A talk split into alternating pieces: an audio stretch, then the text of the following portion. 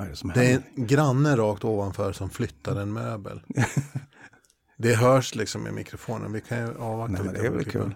Ja, ja, men annars så får det vara med. Det spelar ju som ingen större roll. Jag tror det var någon sån här poltergeist-fenomen här på Söder.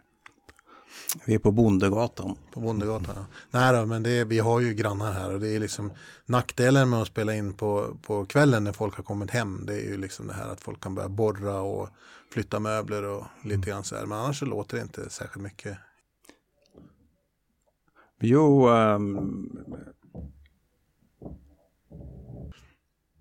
Men snälla rara grannen, är du klar snart? ja, Ja. han flyttar skåp. Nej men eh, tekniken, alltså jag, när jag reste runt, jag reser ju runt rätt mycket med Teppas och, Ja, med, och med Tegner och, och andra. Och helst hade jag egentligen bara eh, kameran i stort sett. Jag hade en sån här portaväska, skyddsväska. Men jag, jag föreslår att vi tar, vi, vi, vi tar en liten paus och börjar vi om därifrån. Så Okej. klipper vi bort det. Bara se när han är. Det kan inte vara någon som håller på hela kvällen.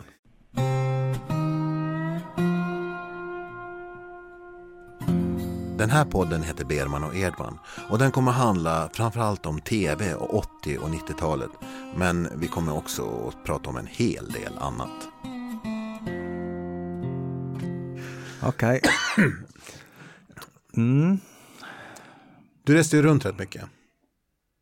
Ja, och eh, ofta kameran i hand.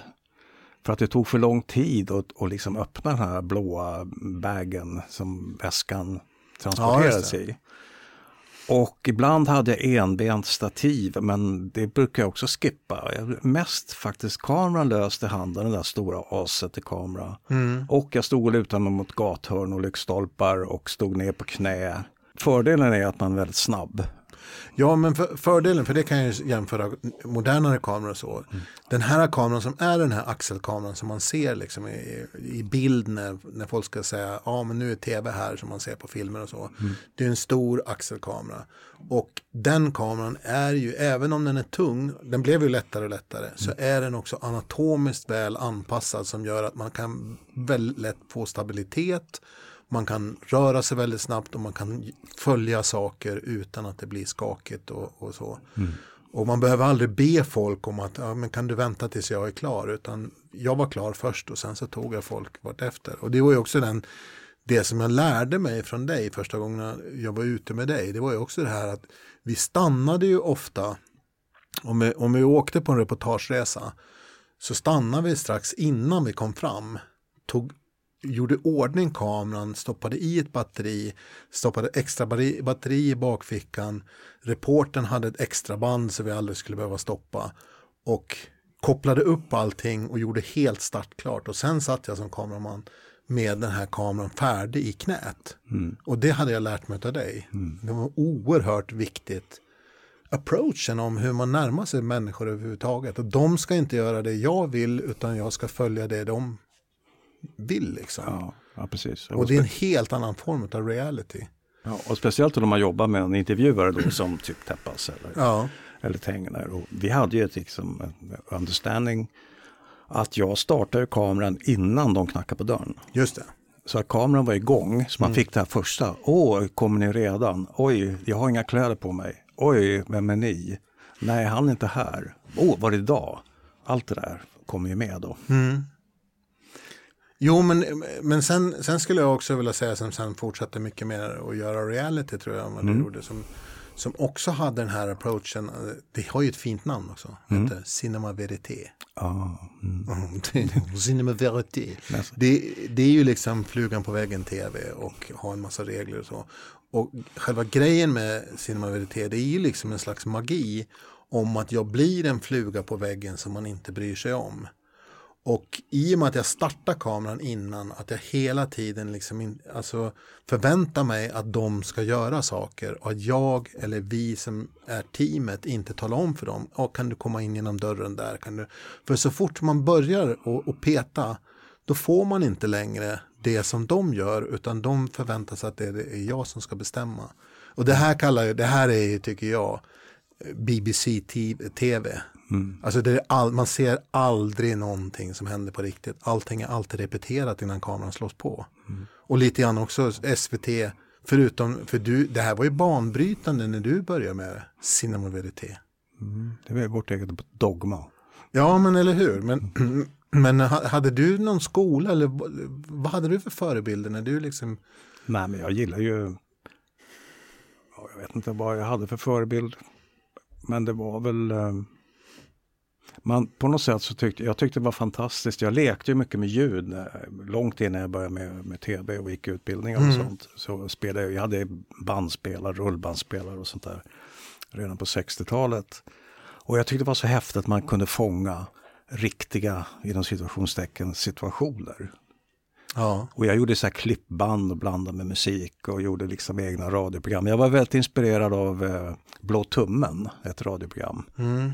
Eh, som var liksom ett ganska hysteriskt eh, program som blandade sketcher och dikter och musik och ljudeffekter. Ja, och eftersom nu inte Lasso, ni kan se mitt ansikte så, så, så Lasse Månsson. Ah, okej. Okay. Det är liksom ett sånt kultprogram som finns på uh, Youtube. Mm. Fastän det var radio. Uh, och att man fick känsla av att det blev fel ibland. Och, och felen var med. Och ja. det var liksom någon som dörren gick upp i studion och så skrek för helvete alltså, ni får inte starta innan jag startar bandet och sådär. och den känslan tyckte jag var så häftig. Och det var lite av det jag fick med mig då när jag började jobba med Teppas och eh, Tegner och eh, lite så. Jag, måste, jag fick bara, nu, nu sa du startade inte bandet, då måste jag gå och kolla om bandet. Tänk om inte det startat bandet alltså. Bandet. Du får inte säga sådär. Ja, men, eh, jag vet inte vad jag tappade tråden. Nej, jag, alltså förlåt att jag reste mig, men du, vi pratade om det här med eh, Lasse Månsson, vi pratade om, om det här. Nej, men för, för jag tänker också så här att eh, ditt sätt att jobba på med det så här öppen kamera eller sinne med verité på tur med Teppas. Det är någonting som har präglat mig väldigt mycket och som jag sen också har läst in och som jag håller väldigt hårt på att försöka skapa situationer och jag märker det, att all tv, om det är så eh, Antikrundan eller vad det än är, så, så är det genast, ja men, ja men du verkar intressant, ja men stopp här, jo men om du ställer det där så kommer han att ställa den här frågan och alltså man gör i mm. ordning alla situationer så det finns ingen levande situation nästan i, i det, fast det, det skulle kunna vara det. Så att man, man jag känner igen det, att Nej men situationen har redan varit och sen så har man ställt upp den igen och gör den. Mm. Förstår du? Och det där sättet att göra tv på. Och jag vet också vi har haft liksom tusen, tusen konflikter runt det här i, i liksom tv-produktion. folk säger så här, ja men det här är inte äkta liksom. Nej, de flesta så är det helt sant så. Och vi känner det. Vi mm. vet det. Alla om jag visar för liksom någon och säger så här, kan du säga om det här är uppställt eller om det händer på riktigt, då kan alla människor känna det. Mm. Och där tycker jag att när man ser tur på, på tur med täppa så ser jag liksom det som väldigt banbrytande. Hur var det att vara den här banbrytande uppe i, för det var Sundsvalls TV. Ja. Fick du kämpa mycket för det? Fick du nej, kritik nej. och så? Nej, eller? nej, ja, ja. Vi kan ta från början. Jo, jag jobbar ju på SVT i Stockholm och hade en producenttjänst och eh, eget rum som var väldigt, väldigt ostädat. Mm. Um, det tog inte många dagar. Innan det blev ostädat? Nej, jag är väldigt oordningsam. Men i alla fall, och där hade jag som granne eh, Jakob Dahlin, rummet bredvid. Ja, som alltid var väldigt vänlig och tittade in och hej, hejade och, och sådär. Och eh, Teppas. Därför att i Jakobs program, eh, Jakob Stege tror jag det var. Så var Teppas med ja. Han var med och gjorde så här knäppa. Han, han var känd för att ha gjort lite, rad, lite barnprogram. Just det. Han gick och liksom vart, vart åker bajset och sådär. Och liksom reningsverk och någon anka som han slängde. Både före och efter gjorde han det faktiskt. Ja, ja. det var rätt kul. Och, eh, och han Och jag började jobba ihop i och med att eh, jag tog kameran på axeln och eh, Teppas gjorde intervjuer. Eh, på någon, vi var på någon konstutställning tror jag det var. Något väldigt posh. Mm. Och där som han går han fram, han liksom snubblar fram till Wallenberg och säger liksom hur mycket pengar har du ungefär? Ja. Och jag springer bara efter med kameran och vi hittar varandra där. Han gillade att det gick fort liksom. Mm. Att jag filmade och, och, att det inte var några krusiduller utan gå, är du redo? Ja, det rullar sen fem minuter säger jag. ja. Um, och sen satt vi och uh, kuckelura och uh, festade lite grann. Um, och vad är det egentligen, vad, vad, är, vad vore det roligaste vi skulle kunna göra? Han pratade Teppas jag ihop oss om att vi ville resa runt och vi hade sett det gick just då en engelsk serie med Michael Palin, tror jag det var. Ett reseprogram. Ja, just det. Just det. Men skillnaden var att det var väldigt, väldigt bra bilder och väldigt roliga möten med folk. Men det var speaker pålagt. Just det. Så det var alltså, nu är vi i eh, Neapel och eh, folklivet, bla bla bla. Och det var väldigt knäppt och väldigt roligt, mm. absurda saker, väldigt roligt. Fick också väldigt bra kritik. Eh, men jag ville då jobba allt, allt som hände skulle hända när kameran var på. Liksom. Just det. Ingenting skulle hända i redigeringen annat än att man ja, kortare, på. kortare och la till lite. Lite musik kanske man la till. Och, lite sådär. och så. Um, Nej, men för det... Och det gillar ju Teppas också, ja. för att då, då han visste precis vad som hände. Han hade kontroll också på sin sida, kameran. Just det. Vilket, och, så ni jag... var egentligen bara tre, en ljudtekniker, ja. du och... Tu, uh... Teppas. Tu, och, och Tuvan då, Gunnar, Tuvan, Gunnar Tuvesson, ja, legendaren. Ja. Han var den som oftast var nykter och körde och sådär. Han fick, han, han fick hålla ordning på oss. Ja, men du, du får det lite grann att låta som det som jag beundrar med det här, det är ju själva det här, men som sagt var, det är ett brott emot hur tv görs, mm. eller gjordes, och som håller på att börja bli igen. Det vill säga att man först går runt och, och, och, och, träffar lite människor och pratar med dem och så bestämmer man att nu ska vi göra tv och sen ställer man upp dem väldigt stelt och så spelar man in det här mötet som redan har skett. Mm. Medan det här sättet som du beskriver, det är alltså att man slår på kameran och sen träffar man människor. Ja. Alltså det... Och så ser man vad det blir och så frågar man efteråt, är det okej okay att jag använder det här? Ja, det är mycket, lätt, mycket enklare att be om tillåtelse i efterhand. Eh, men... Ja, men det blir en helt annan energi i det. Ja, men, men ja, ibland så, så ber jag om tillstånd faktiskt. Och det är till exempel när det är när jag inte känner personen alls. Ja. Och när man kliver in i ett hem och det är barn som leker och sånt där. Och då frågar jag, är det okej okay om jag filmar nu? Ja, absolut. Och ingenting kommer med som inte du vill, säger, säger jag alltid. De... Och det är någonting, ett löfte som är stenhårt för mig också. Mm. Ja. När jag går in i den situationen så säger jag ingenting som inte... Och, och, folk har tillåtelse att ta bort allting i det läget. Mm. Eh, för det är inga politiker eller makthavare vi filmar här, utan då, då har folk den integriteten att de får faktiskt bestämma vad de vill ta bort. Ja.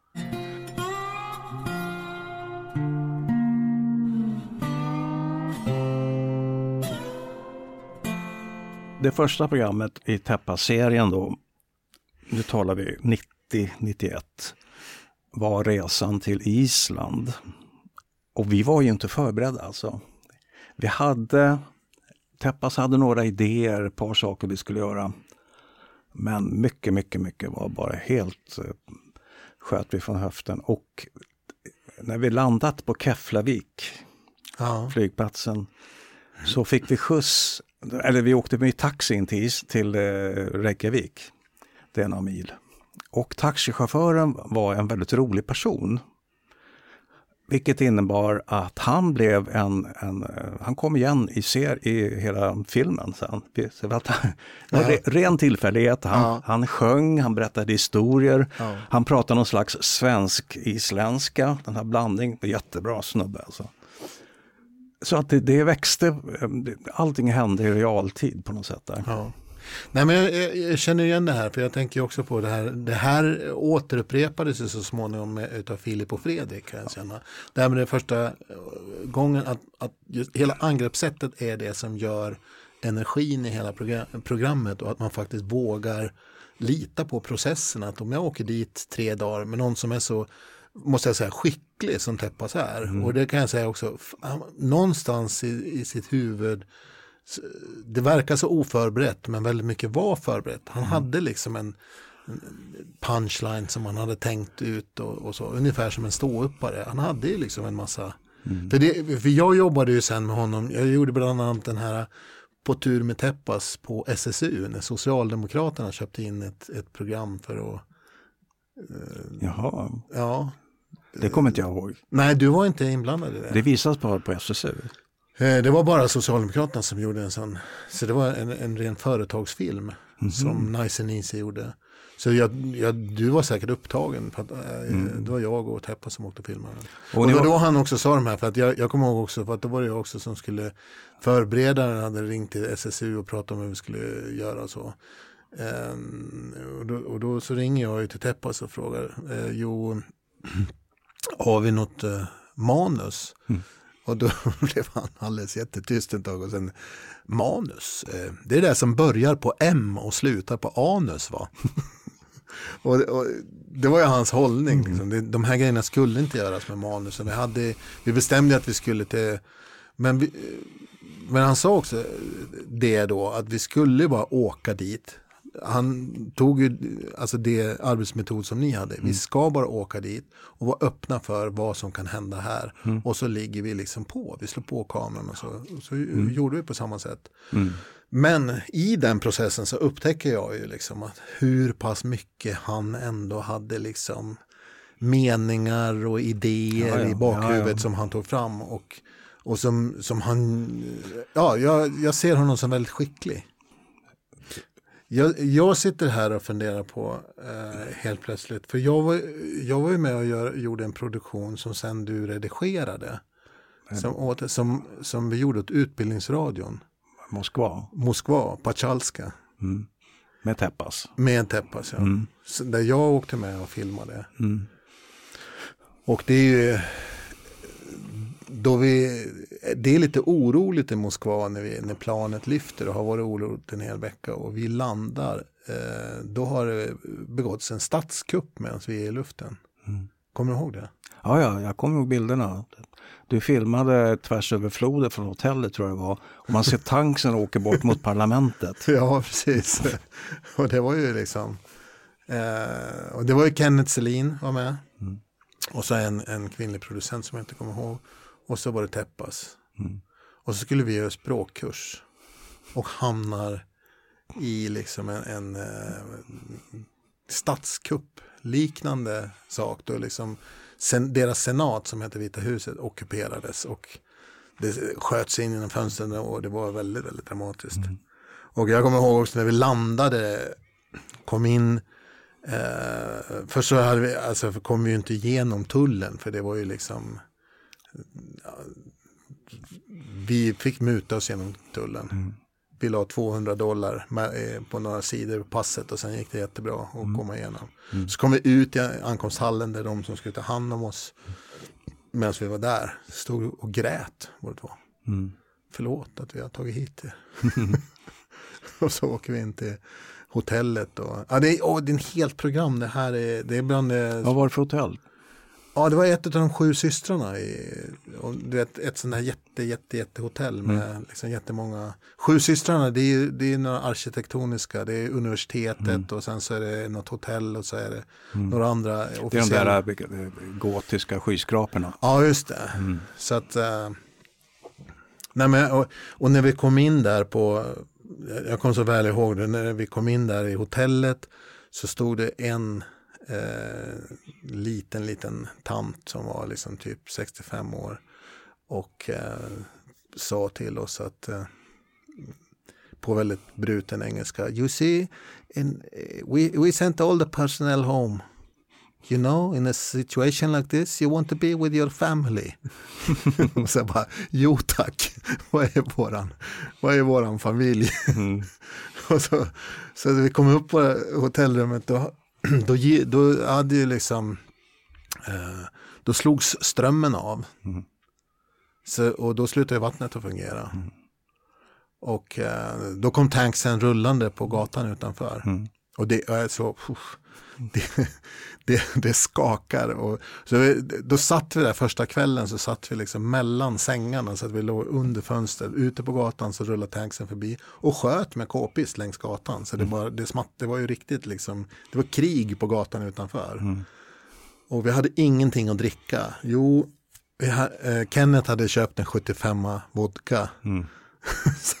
på vägen in. Man kan alltid lita på Kenneth. ja, på Kenneth kan man. Och Teppas hade köpt liksom ett eh, paket Celtin så här.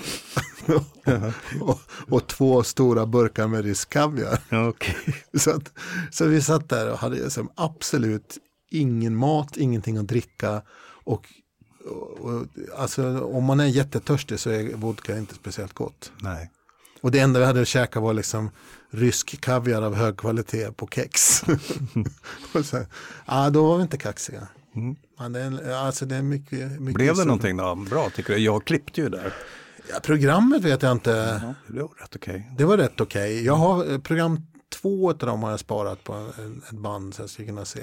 Mm. Så det var, det, men framförallt så var det liksom upplevelsen att vi liksom mitt i alltihop det här eh, ändå gjorde program. Liksom. Mm. Det, det, den veckan när vi var där så eh, sköts eh, ungefär 30 kameramän.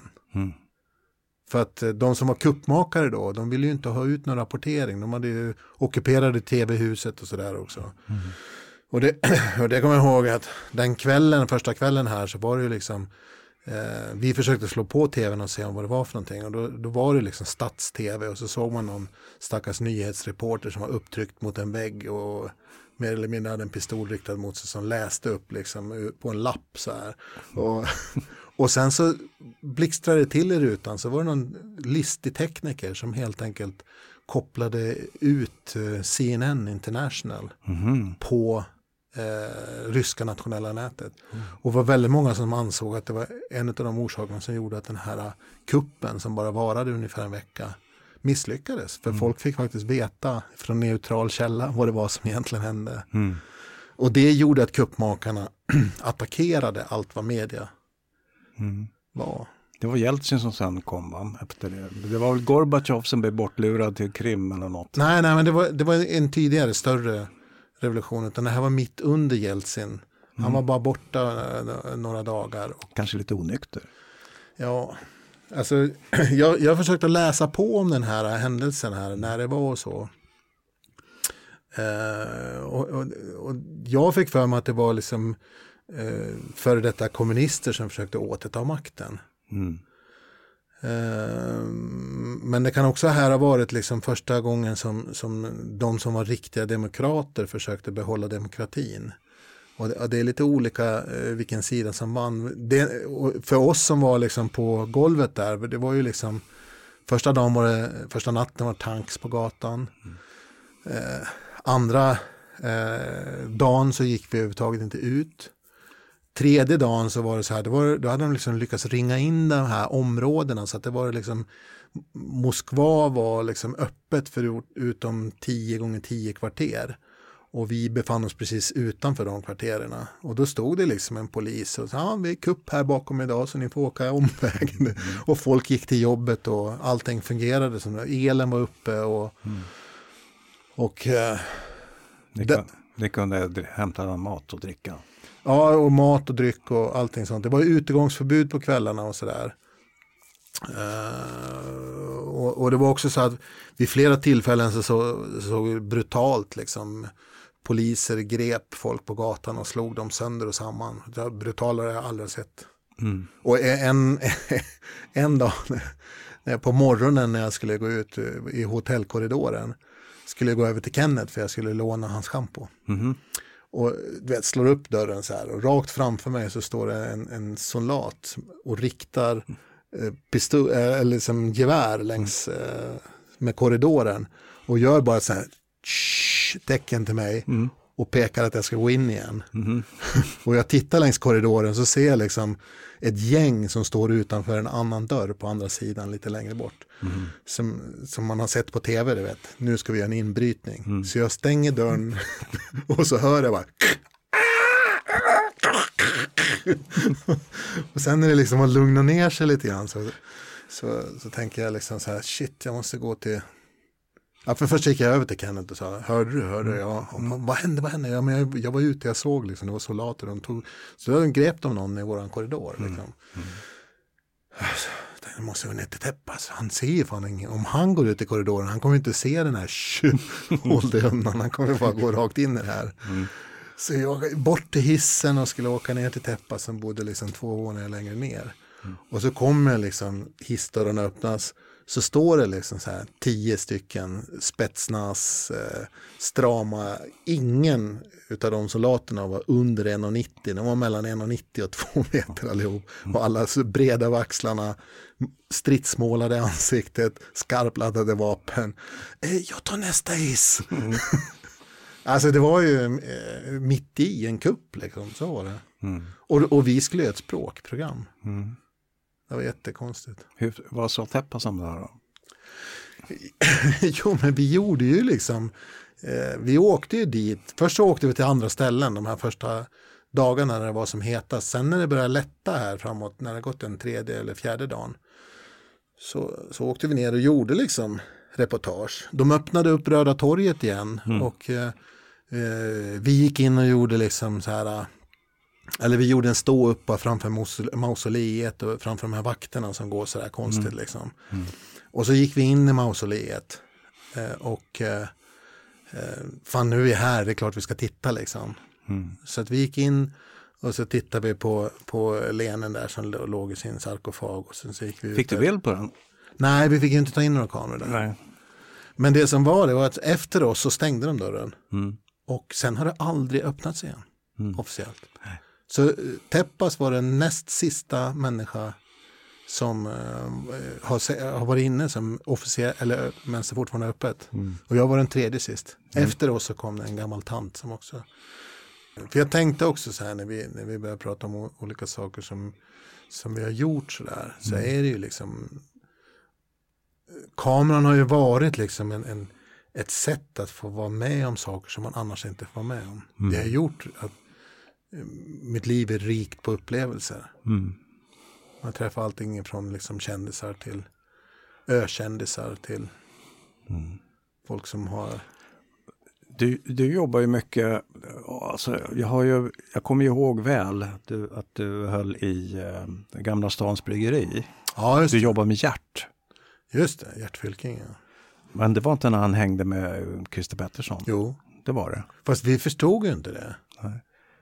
Utan, eh, utan det var ju liksom också så här att helt plötsligt så, så utan det berättade Gert för mig efteråt. Så han, jag vet inte om ni kommer ihåg det här, men när, när det var inför resningen av, av eh, vad heter det, eh, hans mål där, när han var i resning i högsta domstolen, så ville ju eh, hela Sveriges press liksom ha en massa jävla liksom, intervjuer med honom.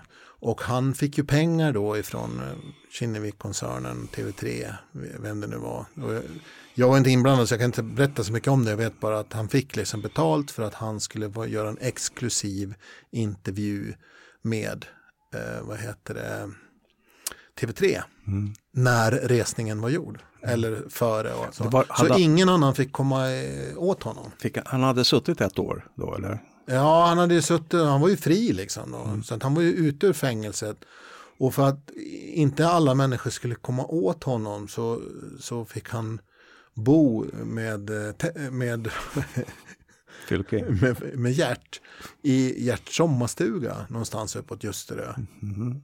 Så att eh, eh, Gert var, ställde upp som någon slags barnvakt där. Mm till honom. Såg till att det fanns eh, sprit och mat och, så, så att han inte skulle hålla sig schack och inte liksom gå ut på stan. Alla, hela Sverige visste precis hur han såg ut. Mm. Så han satt ju där uppe och under samma period då så höll Gert och jag på med en eh, nattlig show, eh, Late Late Late Talk Show, direkt sänt ifrån krogen, precis som vi snackade om tidigare, mm. som började eh, klockan 12 och slutade klockan 1 eller halv 2. Gamla Stans Bryggeri. Gamla Stans Bryggeri, ja. Som ligger på Skeppsbron. Yes, och som var Stenbecks egen lilla lekstuga. Mm. Så, så, det, det, här gick ju väldigt bra. Eh, vi fick ju liksom då tittarsiffror som eh, upp mot 100 000 tittare och då kan man säga oj oj oj det är väl ändå inte mycket. Mm. Nej men den tiden på dygnet så var vi liksom eh, störst. Ja, vi hade typ 70 procent. Mm. För det är inte så många som och, och då blev det liksom också så här att eh, ja vi, han, han, var ju väldigt lojal och vi skulle ju kanske också få bli istället för att bli late late show det vill säga vi fick ju en tid då ingenting sändes och så gjorde vi ett jävligt billigt barfotaprogram. Mm. Och eh, skulle vi kanske flytta det till klockan 11 istället och få lite större resurser och kanske tredubbla publiken för att det var många fler vakna då. Det var ju planen. Mm. Under den perioden så var i alla fall Gert babysitter. Och jag var ju liksom producent, bildproducent för det här.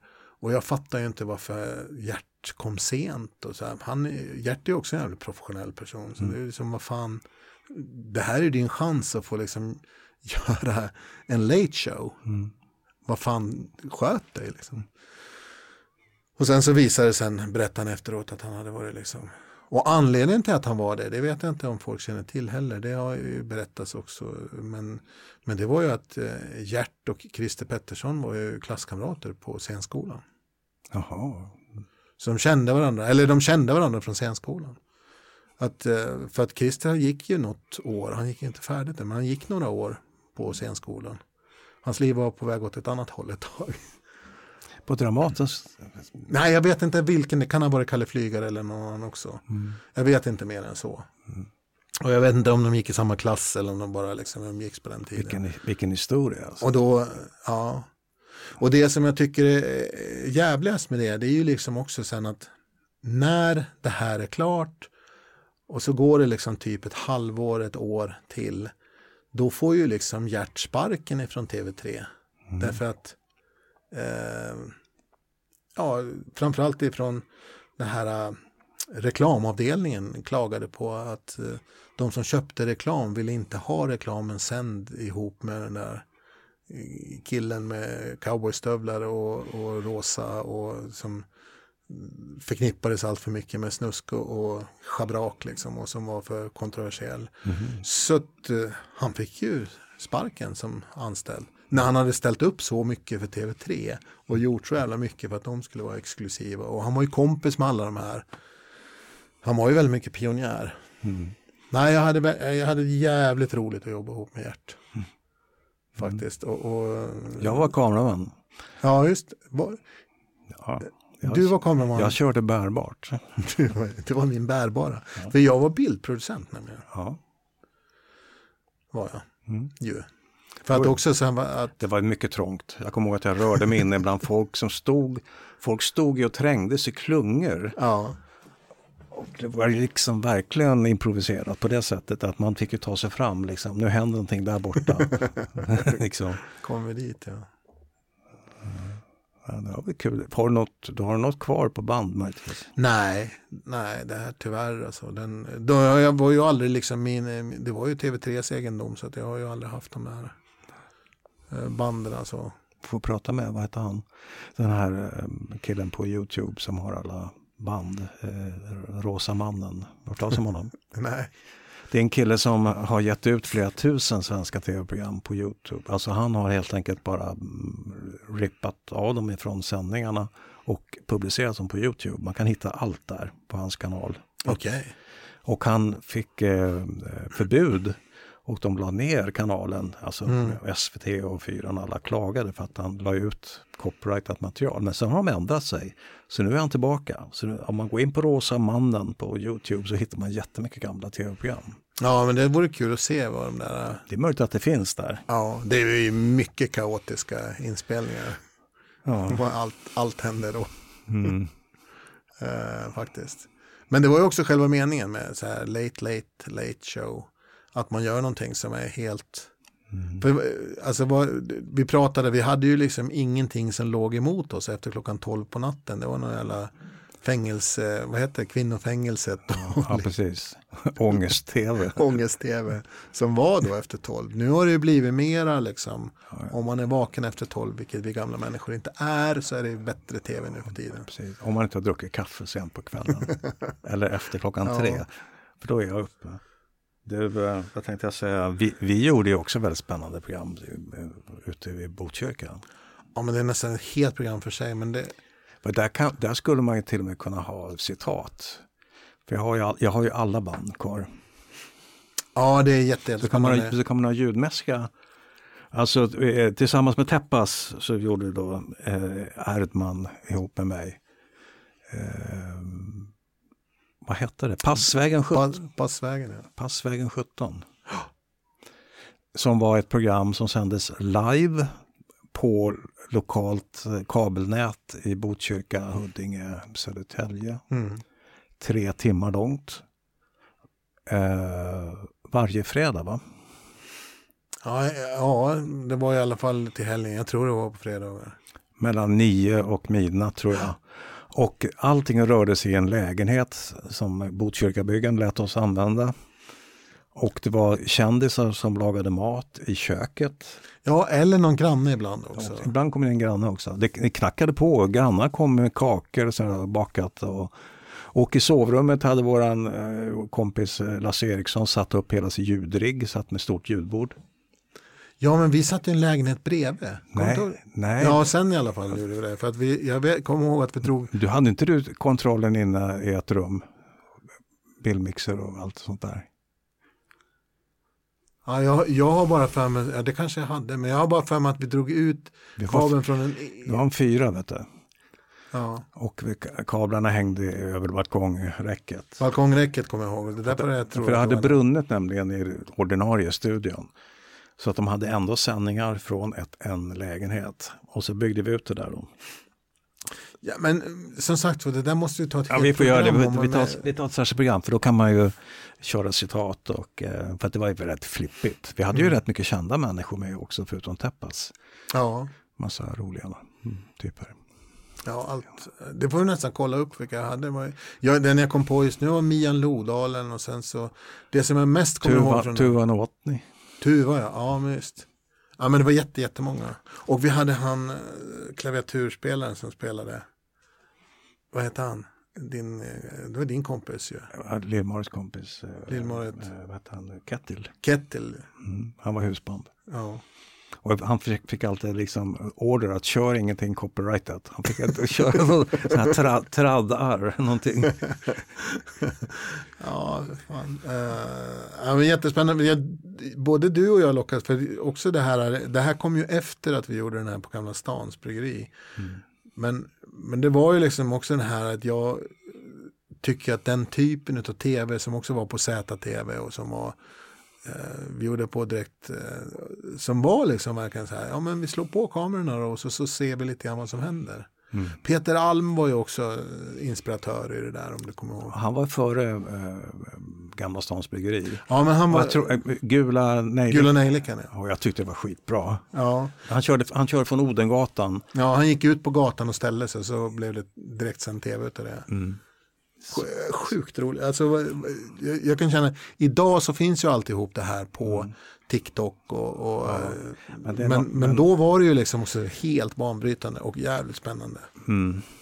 Ja, men han var en förebild faktiskt. Ja, men han var med i tankesmedjan liksom bakom och var någon som jag konfererade väldigt mycket med Eh, och han kom med mycket idéer runt det här med Gamla Stans Bryggeri. Jag tror att jag för mig att jag kände att han var där. Också. Ja, han var där också. Mm. Mm. Eh, och, nej, men han hade en stor roll och jag minns inte exakt hur stor roll faktiskt. Men, men det var någon som pratade väldigt mycket om och hade mycket idéer om att göra. Mm. Och som sagt var också, det kostade inte så jävla mycket mer än att, att, att sända kvinnofängelset. När Nej. man ändå hade tekniken där. Ja. För på Gamla Stans Bryggeri så fanns ju all den här tekniken, den stod där. Fick den stå kvar? Nej, sen när... Eh, ja, men alltså mellan programmen? Ja, ja, men det var ju, tekniken tillhörde kamera? All, alltihop. Jaha. Det var ju liksom Stenbecks idé också om så. Han älskade ju, Stenbeck älskade ju ZTV. Mm. Han älskade liksom det här råa, burdusa.